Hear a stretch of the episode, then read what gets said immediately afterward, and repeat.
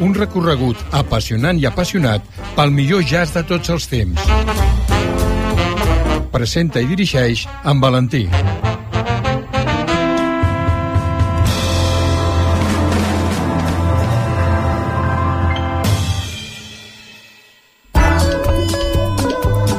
Escoltar Ràdio Sant Boi en directe per internet és molt fàcil. Entra al nostre web radiosantboi.cat i clica l'opció en directe. També pots escoltar programes de dies anteriors amb l'opció podcast. Escoltar Ràdio Sant Boi allà on siguis és molt senzill des del web radiosantboi.cat. Ràdio Sant Boi.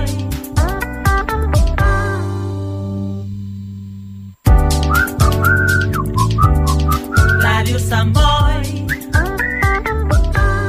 més de 40 anys amb.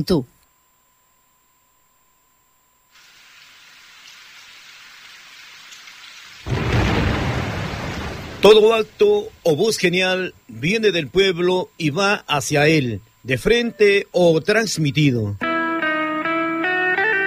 Con ustedes, el programa de integración cultural latinoamericana. Canto de amistad uniendo y hermanando pueblos y costumbres. El cancionero de confraternidad cuya música y letras llevan el mensaje de lo más noble y sagrado de sus emociones. Salutaciones cordiales Maxamix y con el cariño de siempre acompañándole de vuestro comunicador social, promotor cultural, el romántico viajero Marco Antonio Roldán, un corazón sin fronteras. Vamos todos juntos sobre el camino de la música.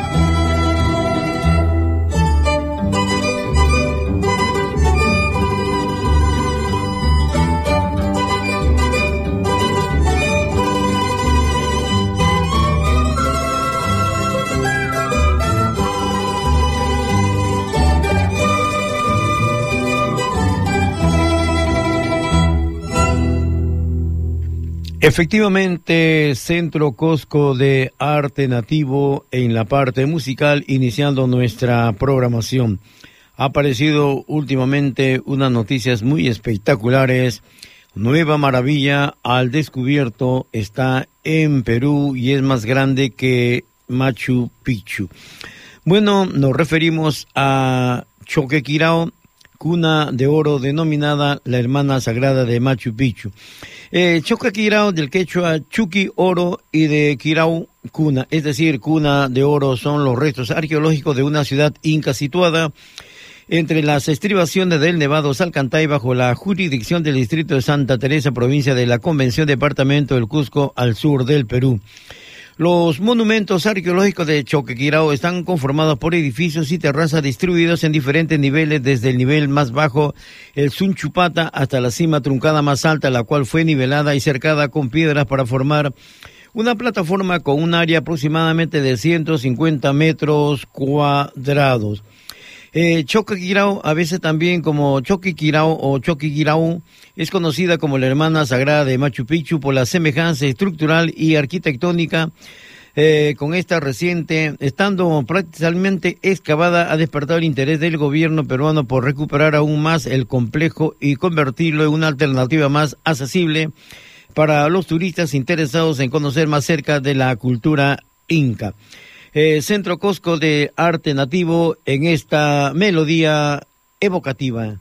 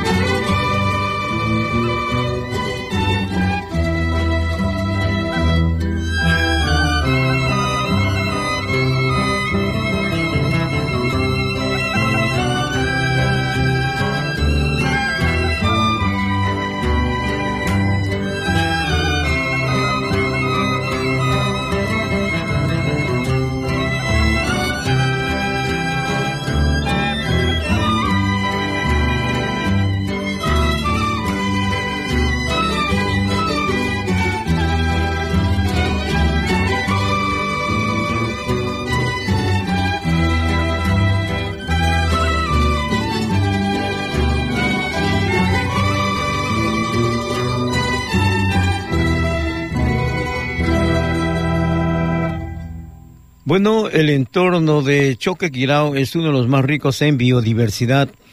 Todas estas especies se han acondicionado a pesar de las variaciones de temperatura como el sol durante todo el día e inclementes heladas durante la noche. La fauna del lugar está compuesta principalmente por cóndores, tarucas, vizcachas, zorros, zorrinos, pumas, picaflores, osos y el gallito de las rocas, ave nacional del Perú.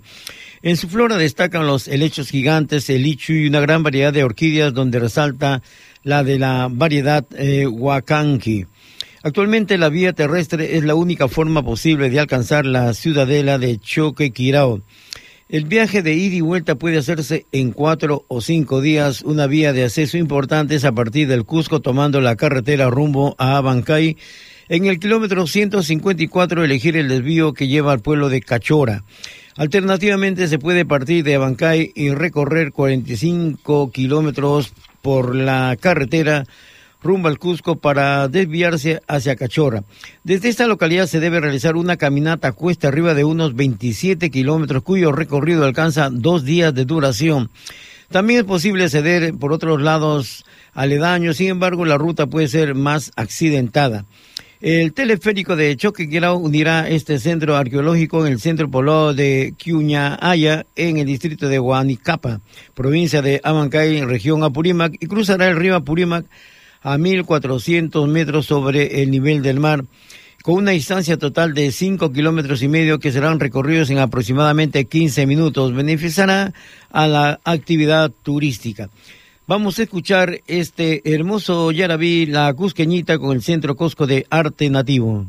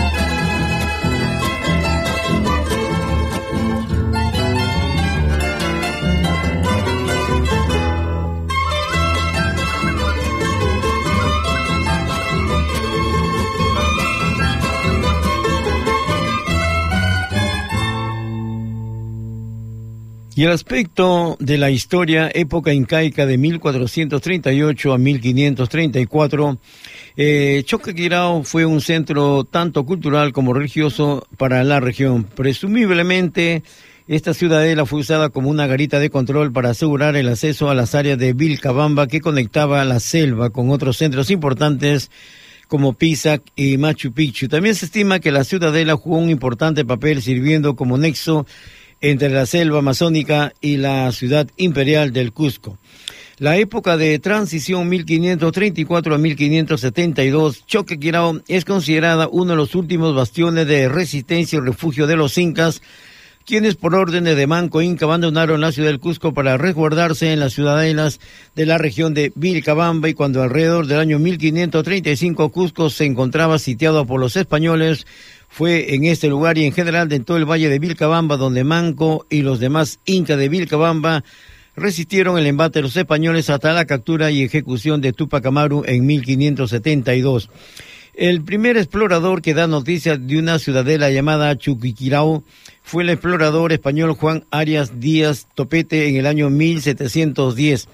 La primera referencia escrita de Choquequirao data del año 1768 y su autor fue Cosme Bueno. Sin embargo, la documentación fue puesta de lado y echada al olvido por las autoridades y el público en general. En 1790, Pablo José Origaín menciona en su compendio de noticias geográficas del Cusco una ciudad despoblada desde la antigüedad con el nombre de Choquequirao. Vamos ahora con otro de los éxitos que nos brinda el Centro Cusco de Arte Nativo en este Yarabí, canto de Ñustas.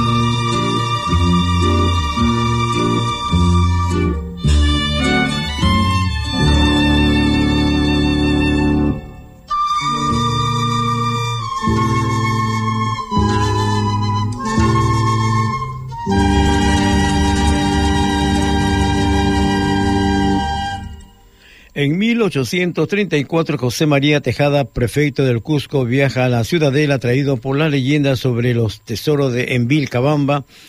Asimismo, en 1837, León Ang, cartógrafo, al lugar por primera vez, pero sus mapas fueron también puestos al olvido. No fue hasta 1909 año en que el arqueólogo Hiram Bingham y el topógrafo Clenes, ambos norteamericanos, visitaron Choquequirao y elaboraron una descripción minuciosa del sitio que la ciudadela adquirió mayor atención por parte de los arqueólogos, el gobierno y los turistas.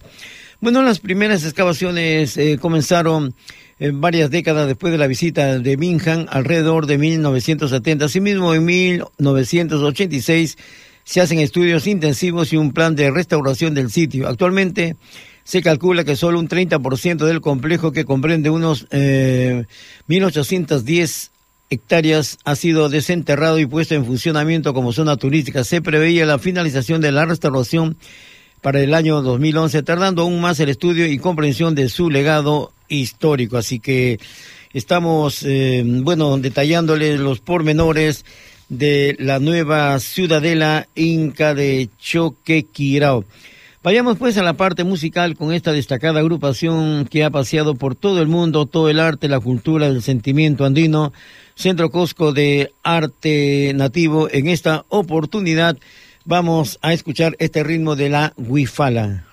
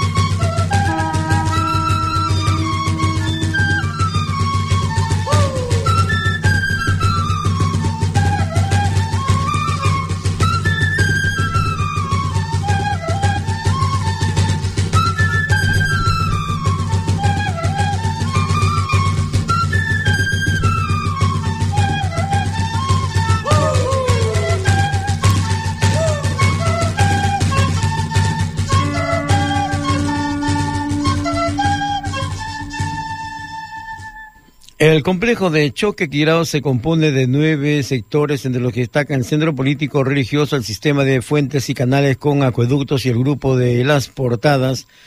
Y por supuesto, desde una vista aérea o a cierta distancia es fácil distinguir las típicas terrazas incas que conforman las más grandes construcciones de Choque Quirao un templo, algunas edificaciones administrativas y habitaciones para los administradores y asesores principales que estaban situadas alrededor de la plaza central. Hacia las afueras del centro de la ciudadela destacan las habitaciones usadas por el resto de la población que están agrupadas conforme una pequeña aldea. En Choqueguirao existen numerosos canales de regadío y acueductos para el suministro de agua potable a pesar del tiempo y las inclemencias, la mayoría de las edificaciones de la Hermana Sagrada de Machu Picchu se encuentran bien preservadas y su restauración durará, según algunos entendidos que están a su alcance, muchos años más. Bueno, durante las perspectivas, eh, la ubicación es indudable estratégica, lo que permitió a este singular asentamiento abarcar y tener un dominio sobre lo que podría considerarse uno de los proyectos altitudinales más exteriorizados del país. A su vez, desde el aire, los investigadores que lo han apreciado dicen que Choque Grau se muestra como un gran libro abierto con el caudaloso río Apurímac a sus pies y una gran cadena montañosa que se precipita hacia las vertientes orientales cubiertas por una inmensa vegetación tropical, siendo otra muestra de la pretensión andina de dominar el mundo desde las alturas. Escuchemos pues ahora esta melodía andina con el título de Micholita.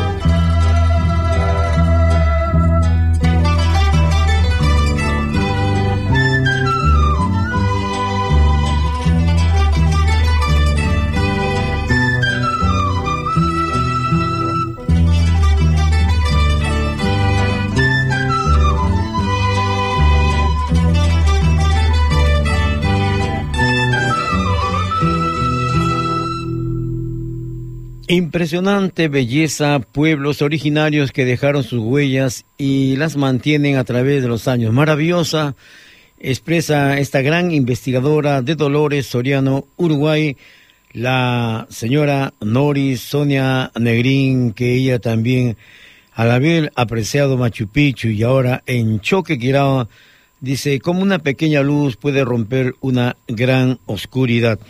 Bueno, eh, Choque Guirao, sin lugar a dudas, eh, tiene muchas, eh, bueno, muchos misterios que descubrir y más aún dentro de su construcción una compleja red de acueductos, maravillosa obra de ingeniería inca que se adelantó a su tiempo y cómo funciona hasta hoy en día.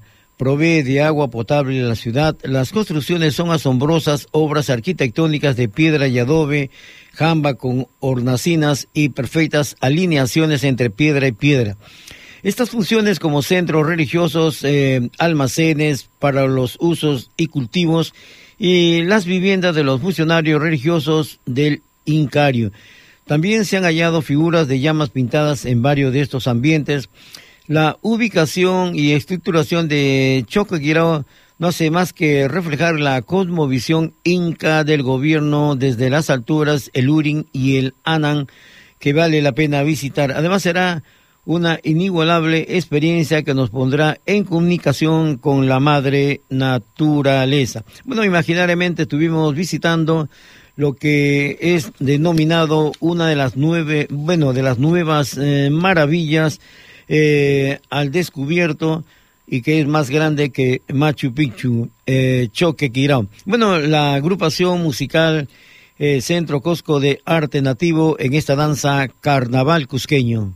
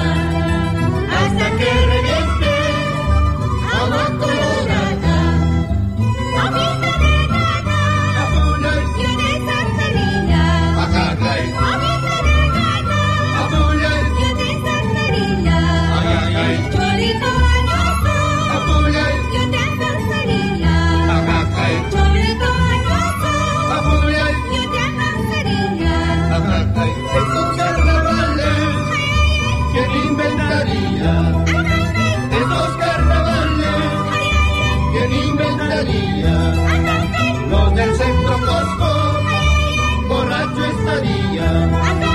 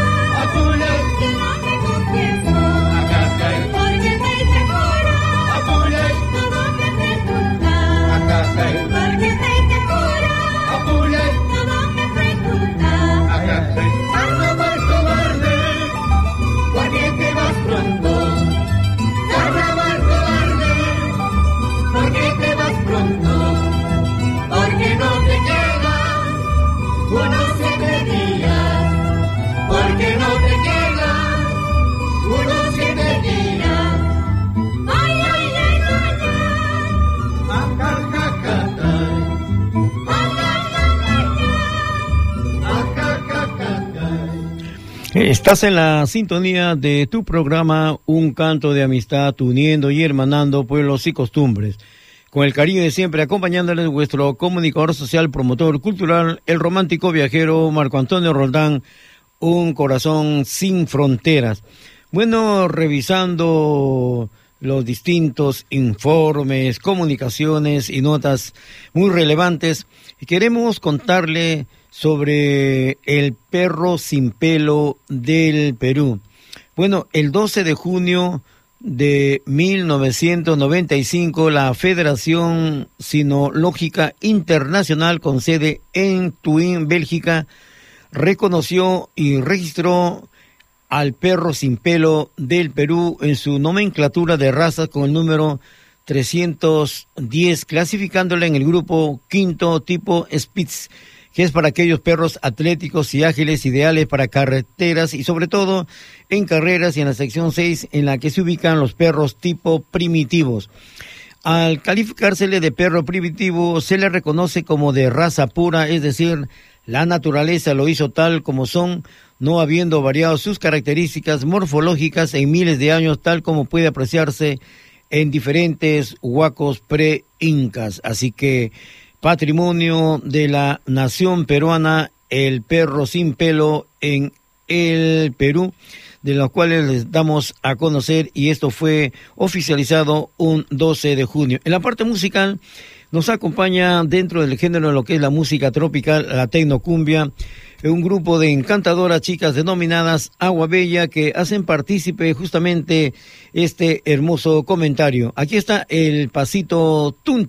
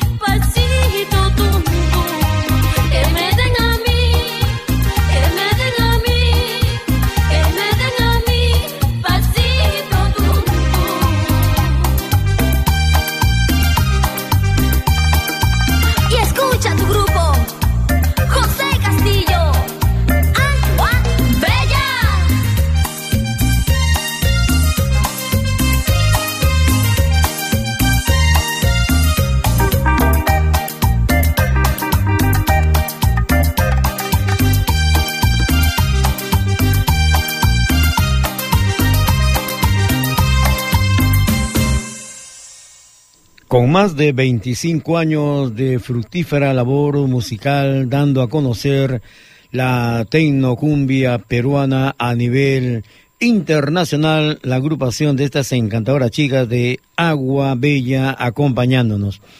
Bueno, el Instituto Nacional de Cultura del Perú, mediante la resolución 001 de enero del año 2001, dispuso la ubicación de los perros sin pelo del Perú en todos los museos de sitio y zonas arqueológicas ubicadas en la costa peruana y que cuentan con las condiciones necesarias que permitan su desarrollo natural y su crianza.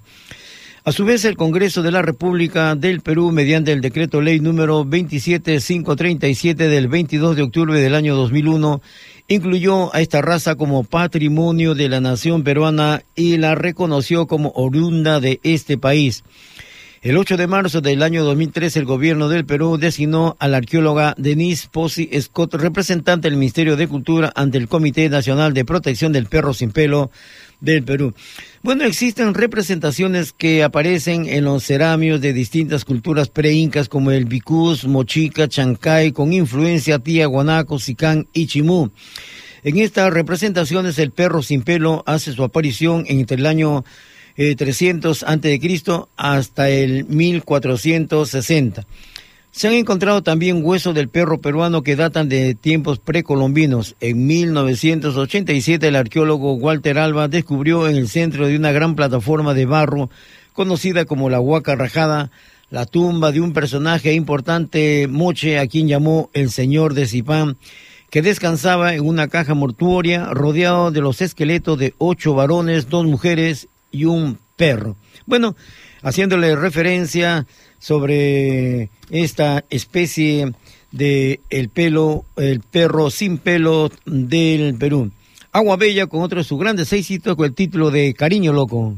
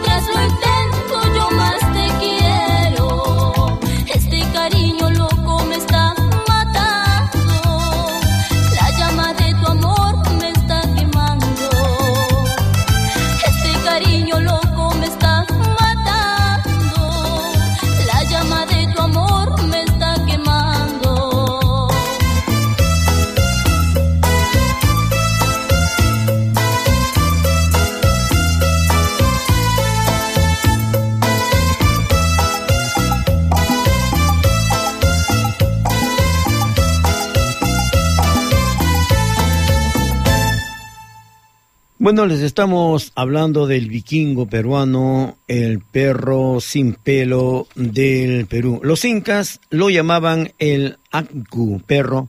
En el Perú también se conoció como Kakya. El nombre vikingo parece ser el original usado por los moches o mochicas, cuyos descendientes entre Piuri y Trujillo hasta el día de hoy lo llaman así. Estos perros cumplieron un rol muy importante dentro de las costumbres y mitos de los incas. La crónica de la época de la conquista española y el virreinato dieron testimonio de la presencia de los vikingos. La gente del campo conservó el perro sin pelos asociado a su cultura propia y lo usó para fines medicinales. Bueno, debido a la carencia de pelo, esta raza mantiene su cuerpo más caliente para protegerse del ambiente.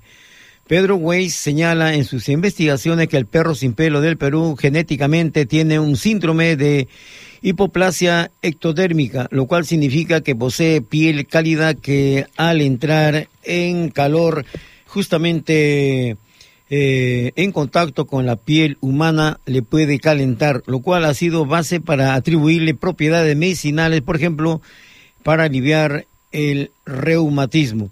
Hay quienes le han atribuido al perro peruano la capacidad de evitar alergias, problemas bronquiales y asma, pues no tiene pelo que podría causar problemas respiratorios, tampoco pulgas ni garrapatas, ya que éstas no tienen dónde anidar. Nuevamente, Agua Bella con uno de los grandes éxitos con el título de Lucerito.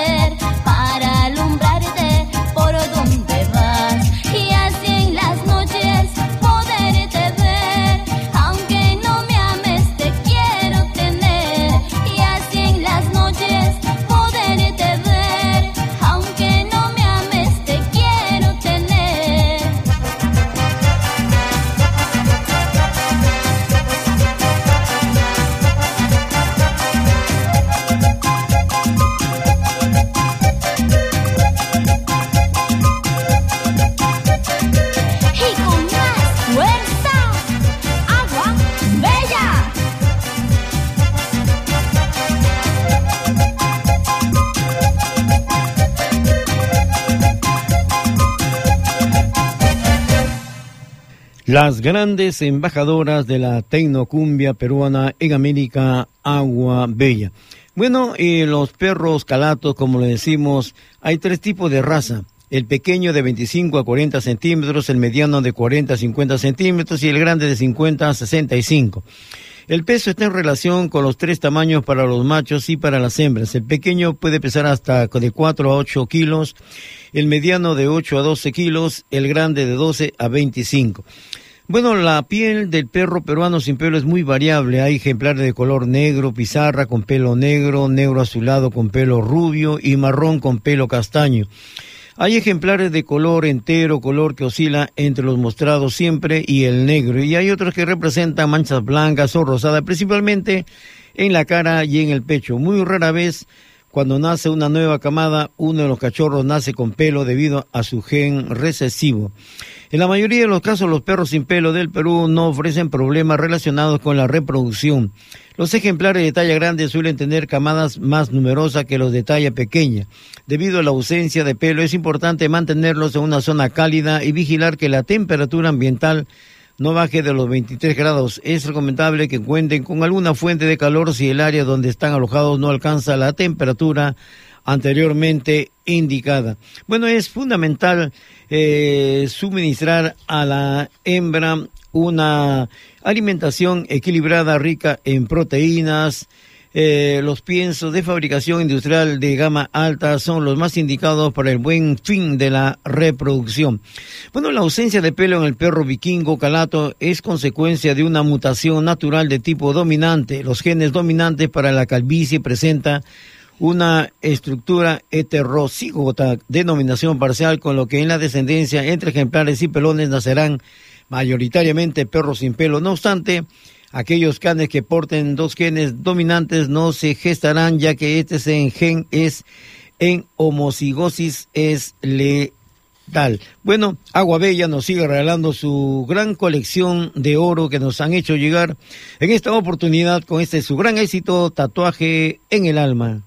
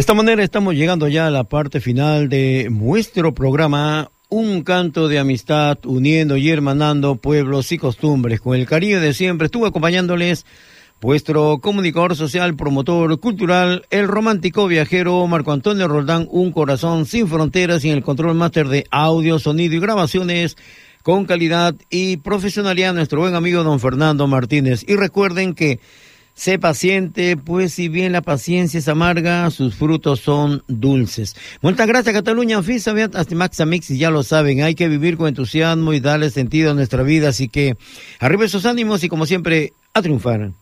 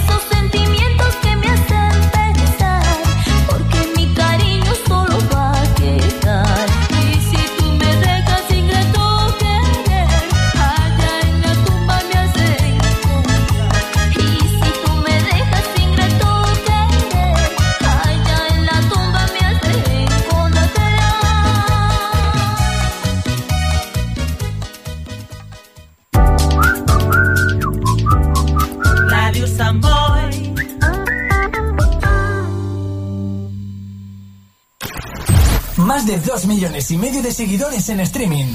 Más de 30.000 fans en redes sociales. Y ahora, y ahora, en tu radio favorita. Conéctate a Descubre, el programa oficial de Top Playlist. De Top Playlist. Noticias musicales, curiosidades, nuevos talentos, entrevistas a los mejores artistas y mucho más. Todos los miércoles, de 5 a 6 de la tarde, aquí en Radio Samboy